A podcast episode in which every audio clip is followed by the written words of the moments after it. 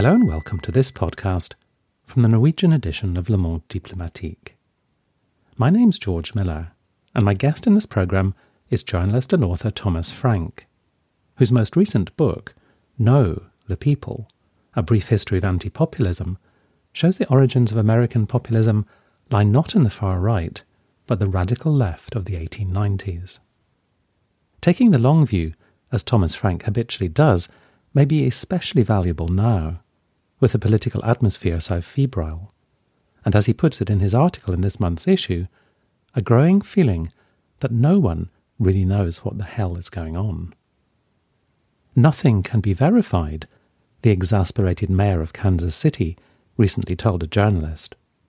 Kansas City happens to be where Thomas grew up, and where he spent the past summer in his childhood home, taking stock of national and global events. I spoke to him at the end of a turbulent week, even by 2020 standards. We'd had the first presidential debate between Trump and Biden, the New York Times revelations about Trump's meagre to non existent tax payments, and then early on the day we spoke, the news of Trump's COVID 19 diagnosis. Our conversation was, I suppose, an attempt to set some of those events in wider context to look beyond the fear complexes and predictions of the end of democracy, the pageants of panic played out at the Democratic and Republican conventions. I began by asking Thomas about his suburban Kansas City summer, registering the shocks of the daily news. It was shocking, and it's it, and it was a new shock every day. And where I was staying is a very pleasant suburb of Kansas City, and I was, you know, obviously staying with my dad who's retired. So it's not like he has anything he has to do. and I was sort of on vacation, you know, I had to write this story, but I didn't have anything that I had to do. And so we would have these very pleasant days, and I would cook something for dinner. You know, we'd watch TV and I would read a novel. I have, it's by the way, the house I grew up in. So I was reading a lot of novels that I enjoyed when I was young, you know, long, long, long ago and uh, I would ride my bike around the neighborhood. It's a very uh, beautiful part of the city, and it's made more so by the fact that there's almost no traffic on the streets because of yeah. COVID. And the uh, this is a, a part of the city where there's ordinarily lots of crews of garden workers going around in in trucks and working on people's lawns, and for whatever reason, that has disappeared during the pandemic and with the result being that there's nobody on the streets at all and so i would ride around these this absolutely beautiful neighborhood. There was a garden where the flowers were in bloom and they were incredibly fragrant.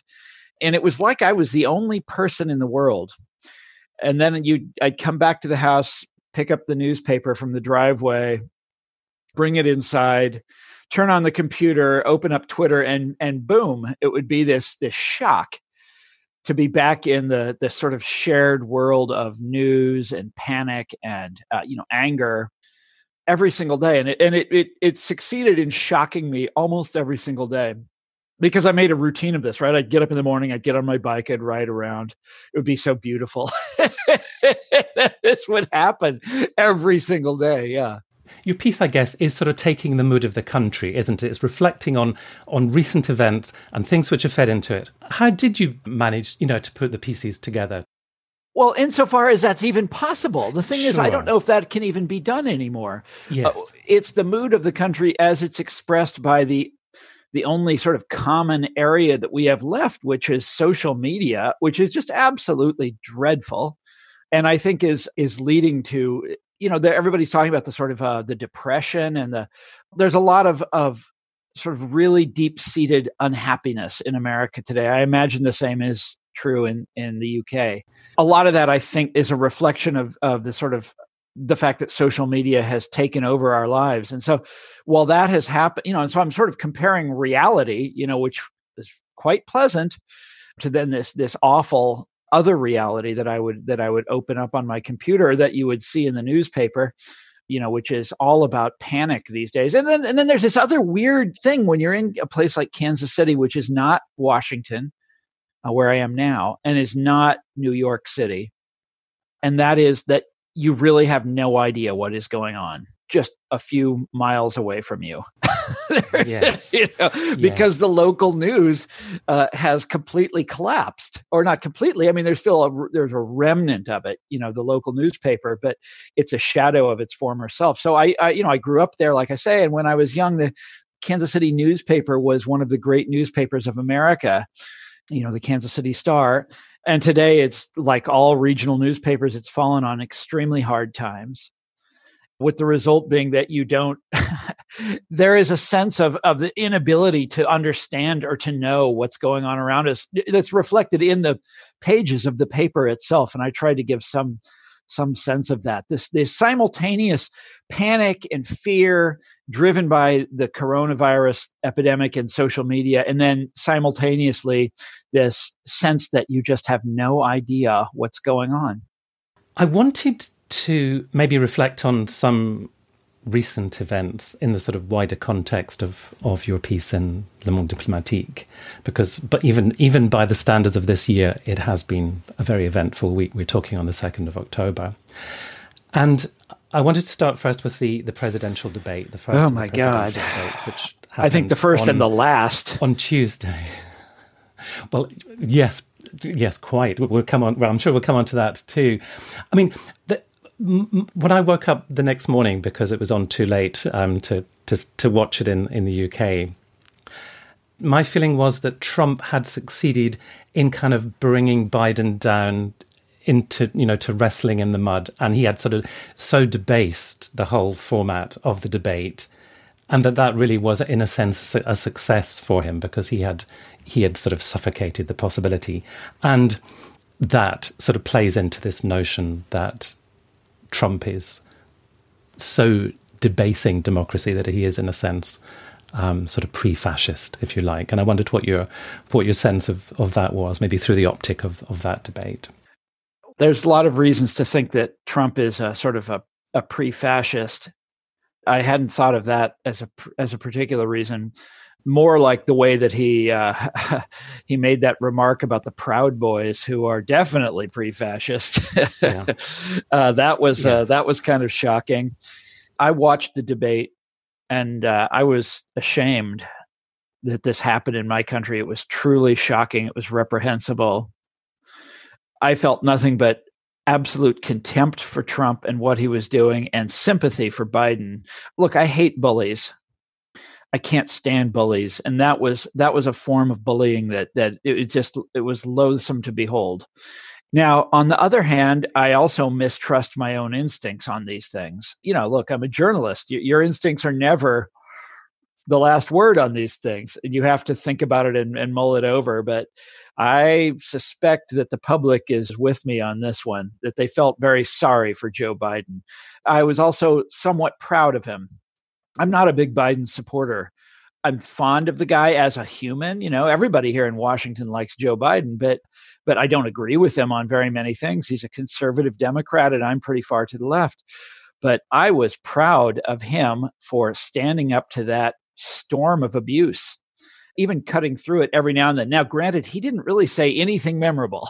he didn't get any good points across, and uh, uh, and it, it, totally ruined any opportunity you know that he might have had to uh, to make good points against Trump. And in fact.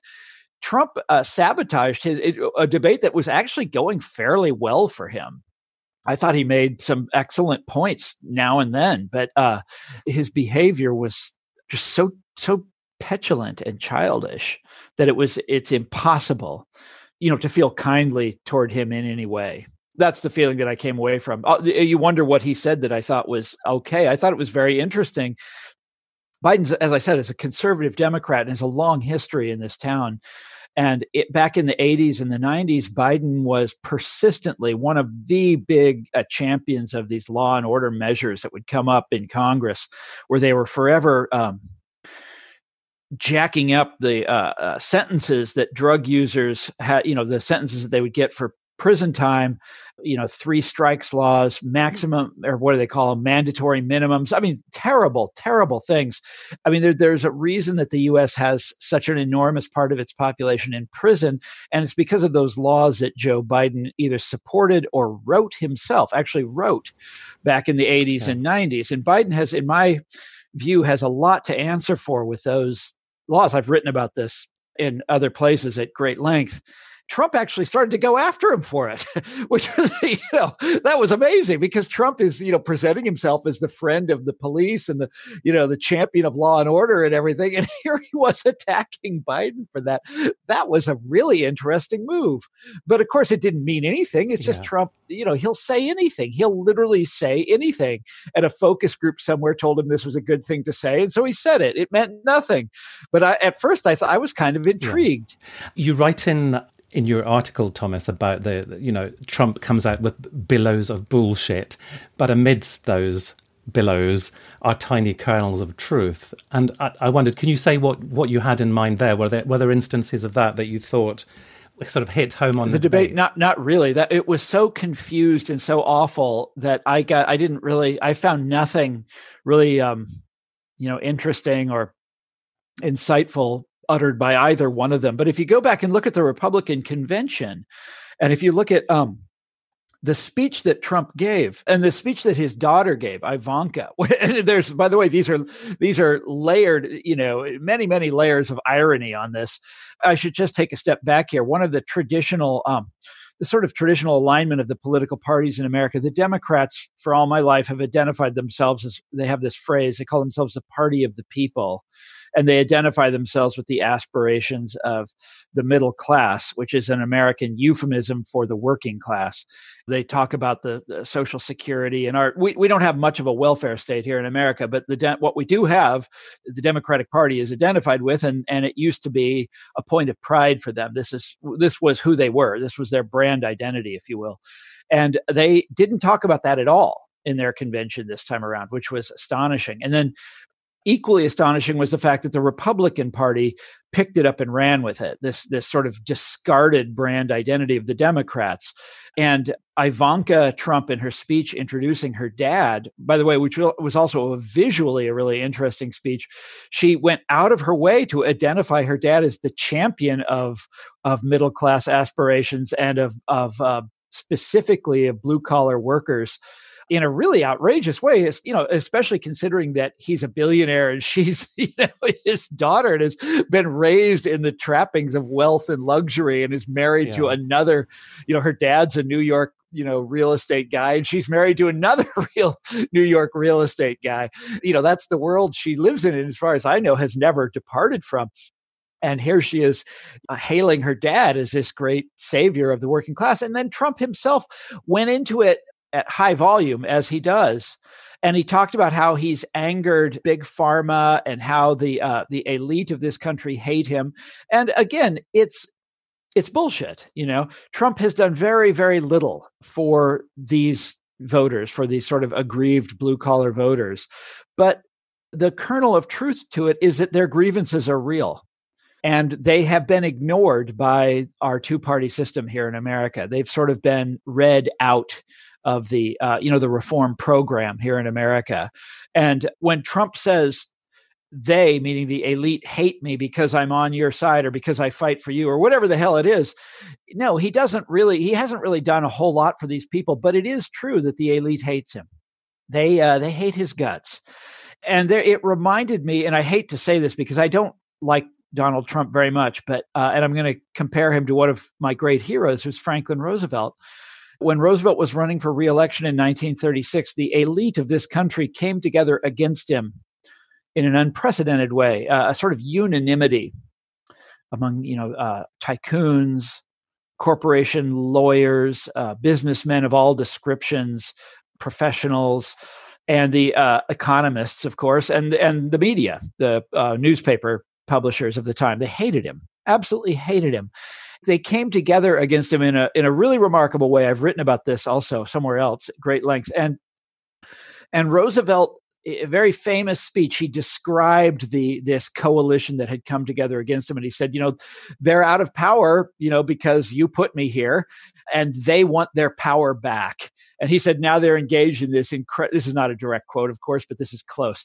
They're engaged in this incredible campaign of hate and vilification against me and i welcome their hatred. And it was it was one of roosevelt's you know really stirring great moments where he welcomed this uh, antagonistic system. And that's what Trump did also now trump trump is no roosevelt. Trump has done very very very little for these people. But he does have the hate of that elite group. That is true. He's right about that. So when you know when you read three or four op-eds in the new york times every day attacking some aspect of trump or telling you why he's he spells the end of democracy, that gives Trump something it to does. push back against, doesn't it? And it reinforces his narrative that you've just yes. that you've just described, that he is sort of not of that world and standing yep. up against and, uh, because of the, the, what we were talking about before, the the death of regional news in newspapers in America, and this, by the way, is across the board, all over the country. You, even the big ones, like the Chicago Tribune, which was once one of the mightiest newspapers, they had a slogan. They called themselves the world's greatest newspaper. Well, today they're like everybody else. They're down to a fraction of their former self. They had to sell their famous office building in Chicago. It's apartments now because of the death of all these other newspapers. The New York Times and the Washington Post are all that's left. I mean, there's the Wall Street Journal also, but that's um, for complicated reasons, that doesn't have the impact that the other two do. And um, the Post and the Times set the agenda for the uh, the rest of the mass media. You know, the TV news takes all their cues from those guys. For my liberal friends, that's how they understand the world is through the New York Times and the Washington Post. These papers have um, they are openly uh, tilting the news against Trump. They'll call him a liar in the headlines. Uh, the Washington Post does a running tally of what they call Trump's lies, a lot of which are just, you know, Trump will misstate something. I mean, a lot of them are, are truly falsehoods. You know, he, the man is an incredible, yes, yes. you know, he'll just say anything. But uh, any reader can see when they, they, they call things lies that are clearly misstatements or just simple exaggerations. Any reader can see what he's up against. It's and they can see it when they watch C- cnn or when they watch msnbc and they can see it on the other side with fox news. This world has come unmoored from what we always expected when we grew up in this country that they would play it straight and they would try to at least try to be um, you know neutral and sort of objective about the news. Everyone can see that. They can also see that these outlets speak for uh, very wealthy people. The Times and the Post, in particular, are uh, you know overwhelmingly, let's say, staffed by graduates of very prestigious universities, and it you know it comes through in their writing and their frame of reference, the way they quote experts all the time, everything about them screams social class. Which in America, by the way, you're you're it's it's it's considered a un, uh, you know uncouth to point that out, but it's true. And I mean, they're class outlets, they're class newspapers. Well, you have the same thing in the UK. As they have radicalized themselves, so has this sort of slice of the uh, upper middle class. So let me give you an example of what I mean. So I live in I'm in a, in Bethesda, Maryland. Okay, and it's a very affluent suburb of Washington D.C. A lot of lobbyists live around here. A lot of um, people with advanced degrees. My neighborhood uh, is like more than fifty percent people with advanced degrees and we're not near a university or anything it just that's just you know that's the white collar class in this country and um and they're uh, overwhelmingly democratic now. Oh didn't used to be they used to be republicans but now it's this area is overwhelmingly democratic and if you go around the neighborhood and it's dotted with these mcmansions you know what i mean by it? You know what this is? Yes, these yes. instant mansions yes. that they build. They're all over the place now.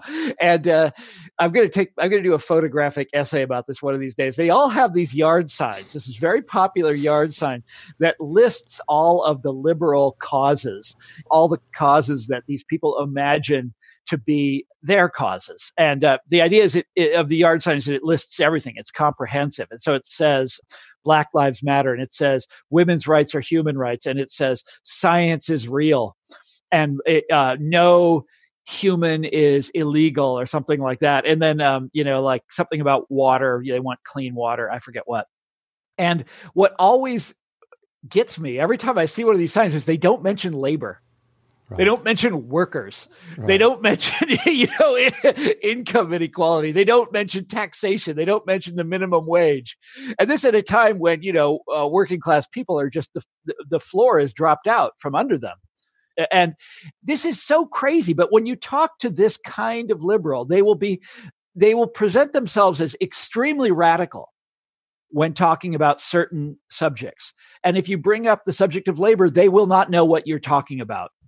If you talk about unions or you talk about the workplace or any of that stuff, or you, you know, they will not know what you're talking about. They don't know that that is part of the tradition of being on the left. They're unaware of that. And that's that's america. That's where we are now.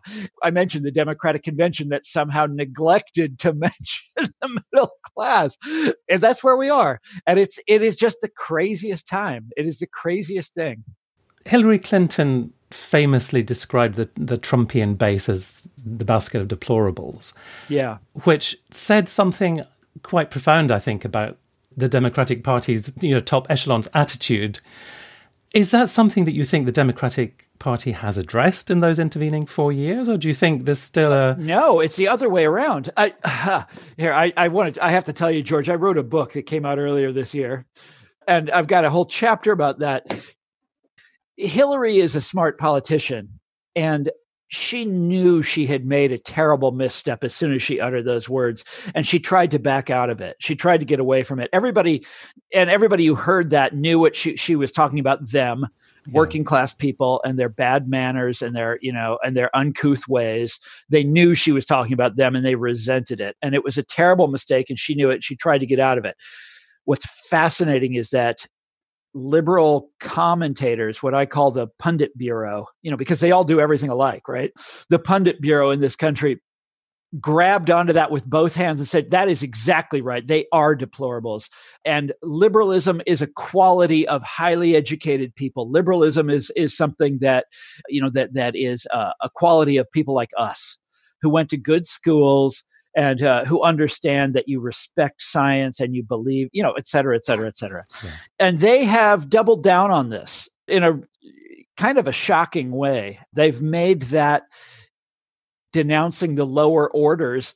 That's what liberalism is in America. For example, they, uh, it is absolutely common. This assumption is absolutely commonplace that what ails working class people is that they are racist, or white working class people anyway. They, um, they insist on defining the lower orders as reprehensible in this way. And it's not borne out by the data. In fact, uh, white collar people, you know, upper class people are also racist. you know, there's a long history of this in America, and it's uh, uh, you know, it's not as simple as that. It's not like you know, the poorer you get, the more racist you are. That is actually not correct, but they believe it, and uh, the result is that you have this situation where the the sort of professional white collar class, uh, this new American elite that comes out of the good university, the, the fancy, I don't want to say good, lots of universities are good. They come out of the fancy, you know, Ivy League colleges and uh, they're doing extremely well economically. You know, this is a heaven on earth sort of time for them. All of the growth in the economy goes to this little cohort of people, but they're not just richer than everybody else. They're they're better this is what they believe. They're more moral, they're more enlightened, they're uh, less bigoted. You know, they're better people. They're not just richer, they're better people. That is a really fascinating recipe. Well, I guess uh, every upper class all through history has always considered itself to yes. be the superior. I mean, you're in England, you you you know about this. Yes, oh yes. I said this had been a, a, big week for news by even by 2020 standards. The New York Times midweek broke the story of Donald Trump's taxis. And I wondered if we could talk about that within the context of who is still undecided in the United States. I mean, it seems yeah. to me quite striking or quite surprising that anybody could be undecided at this stage in the game, but apparently there are some people who are undecided. So, does the tax story make any difference to those? I mean, who who do you think those people are who are undecided, and what do you think is in their mind beyond the tax story? But what kind of person is still undecided, and what might they be weighing up three three four weeks before the election? Well, I, I don't know who's undecided, but I, I know who what, what they call the swing voters, people who have in the course of our lifetimes have changed their partisan allegiance and have you know changed the political landscape. There's two big groups. One is the sort of suburban, the, these white collar professionals that we're talking about, who, when I was a child, were all Republicans, and today are have switched completely to the other side. The other group, which outnumbers them enormously, is the white working class who have gone the other direction. When I was a child, were were uh, Democrats and who are in the process of becoming Republicans. And I've been writing about that for years and I assume that this news would would would make them reconsider voting for Donald Trump. You know, this news about him only paying seven hundred fifty dollars in taxes, yeah. because I guarantee you, every single one of them pays a lot more than that. I mean, that does infuriate me. I pay a lot of taxes every year, and that that pisses me off that that a guy like him pays so very very little. It's massively annoying. It's also uh, not, I mean, it doesn't surprise me because I've read a lot about his life that he's succeeded in losing so much money. all of his business deals that he's able to that that's why he doesn't pay any tax is because he's he's entered into such terrible deals that doesn't surprise me but i imagine there are some people out there still who are who are shocked to learn that that he's actually not a particularly good businessman but do you, do you think all of that is, is sort of priced in in voting for Donald Trump? So much of this is already known, so much of it has been gone over in such great detail that really nobody is under any illusions who's going to cast a vote for him. Uh, yeah, that's. I think that's right. We we we already had had uh, strong suggestions that this was the case uh, back in 2016. There was one aspect of it that was kind of interesting that I thought about. I mean, there's a there are lots of aspects. It's all forgotten, by the way. Now I went on Twitter this morning. It's they've all moved on. right. I can imagine but, what they've moved on to. yeah. Well, I'm sure we'll talk about this in a second. But anyhow, the uh, the whole RussiaGate thing. So for for two years, the media in this country their universal topic of uh, obsessive topic was that Donald Trump was in some way a Russian agent, and uh, uh, you know the c- collusion, and he was under Putin's control, et cetera, et cetera. And that seems to have completely evaporated. And the la- the last sort of missing piece of this puzzle was his taxes, where you would have been able to see any payments made by uh, by the by the Soviets, but um, it wasn't there. So that's the end of that. What's funny is, uh, I mean, that's that's a very interesting little chapter in a, in American life because you know the entire media i never wrote about it. I never wrote about russiagate because i never had anything interesting to say about it. It always seemed unlikely to me. And uh, you know, I don't know any people in the national security apparatus who could leak some juicy piece of, of evidence to me. I don't I don't know anybody like that. So I never wrote about it. But what's funny is that all my everybody else in the American uh, journalism did. They I mean every single one. Now it's just like they've dropped it. Now move on to the next. move on to the next thing. And as you um, alluded to, we woke up this morning to Donald Trump's um, COVID 19 diagnosis. And in the course of the day, I've seen I've seen speculation on Twitter that he was deliberately infected at the presidential debate, or that he's faking it. And well, I wonder if he was already sick. I mean, that might explain his behavior with Biden. I mean, that was he, he was rabid. It was crazy. His behavior was just so when he debated Hillary Clinton, he was he was bad and he was ill mannered and he did mutter things into the microphone remember? He would interrupt her with like a really cruel remark or something like that but he didn't do it constantly. Something's gone wrong with him between that time and this and uh, i wonder if it well what do i know? I don't know. I'm sorry but you were saying something about him and covid how he's where he contracted it. I have no idea I was simply saying, you know, there's already it's already generated a huge amount of speculation on, you know, from both extremes of him faking it to um, him having been deliberately infected, you know, and I'm sure there are all sorts of other positions wow. in the middle. Yeah. But the, I, I, I, suppose I'm saying we are in a, a, a, political climate, a social media climate, in which those things take off like wildfire and they just they just run and run, and so it's another, I guess, anarchic element that's been thrown into an already anarchic situation. I know. And there's no, by the way, there's no way to write about this in um, the classic journalistic mode, you know, of, yes. uh, you can tweet about it. You can come up with mean things on Twitter uh, and keep up with it that way. But the only way to think about what's going on now, I think is in the long in the terms of the long term changes in American politics, and that's what I tried to do in the Le Monde Diplomatique. I mean, that's always what I try to do. Yeah. It's very difficult to write. You know, you write anything, it'll be obsolete tomorrow. yes. And so maybe to sort of round up, Thomas, the essential thing is is that we've been sort of discussing is the change in the complexion of the support base for the two key parties. Yeah. And that is also part of your recent book, which you mentioned a moment ago, which looks at how populism has become characterized as a purely right wing phenomenon. Yeah, isn't that weird? Well, actually, wait, you don't know this, but so I'm from Kansas. That's where pop, that was populism's biggest state. It, th- these are the people who made up the, the, word populism. They just made it up one day, and uh, uh, and it was a very left wing phenomenon.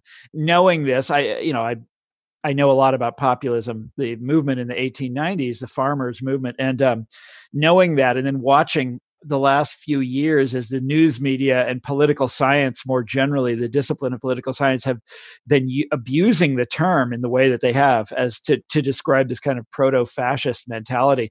It used to make me so angry.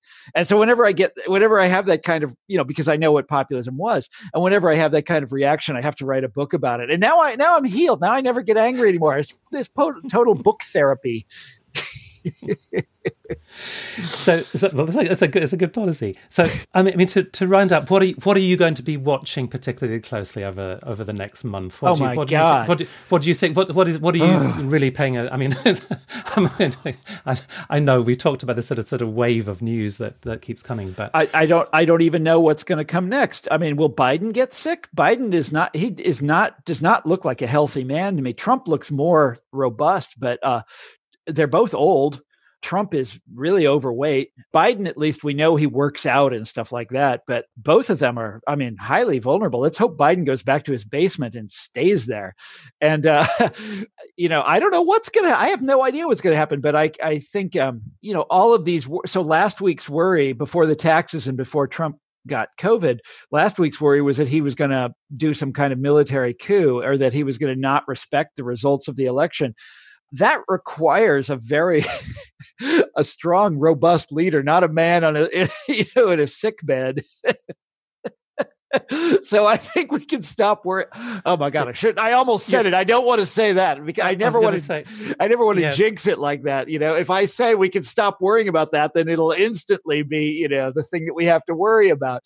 Look, I look at everything from a very long term perspective.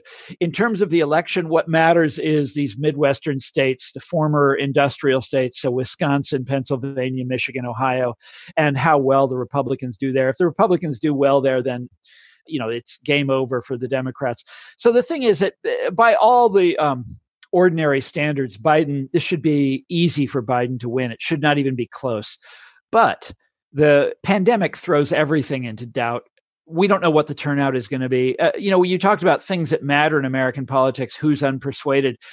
The biggest sort of uh, X factor in American politics, the unknown, is is turnout. You know, mm. so for example, Hillary Clinton in 2016 was really uninspiring to black voters, who are a huge part of the Democratic uh, base, and they didn't turn out for her.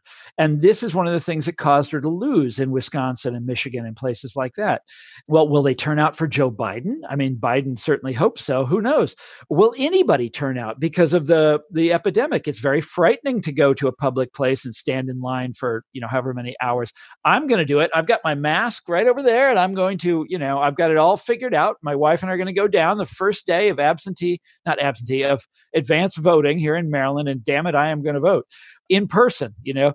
But lots of other people are doing these mail-in ballots which is a recipe for you know there's so many of them that any all sorts of things could go wrong you know when you fill it out wrong or you don't sign it or you put the wrong date on it or something like that and so it's going to be a mess. The election is going to be a huge mess, and we don't know what's going to happen. And it could go, it could swing it in Trump's favor, and it could swing it in Biden's favor, and we just have no idea at this point.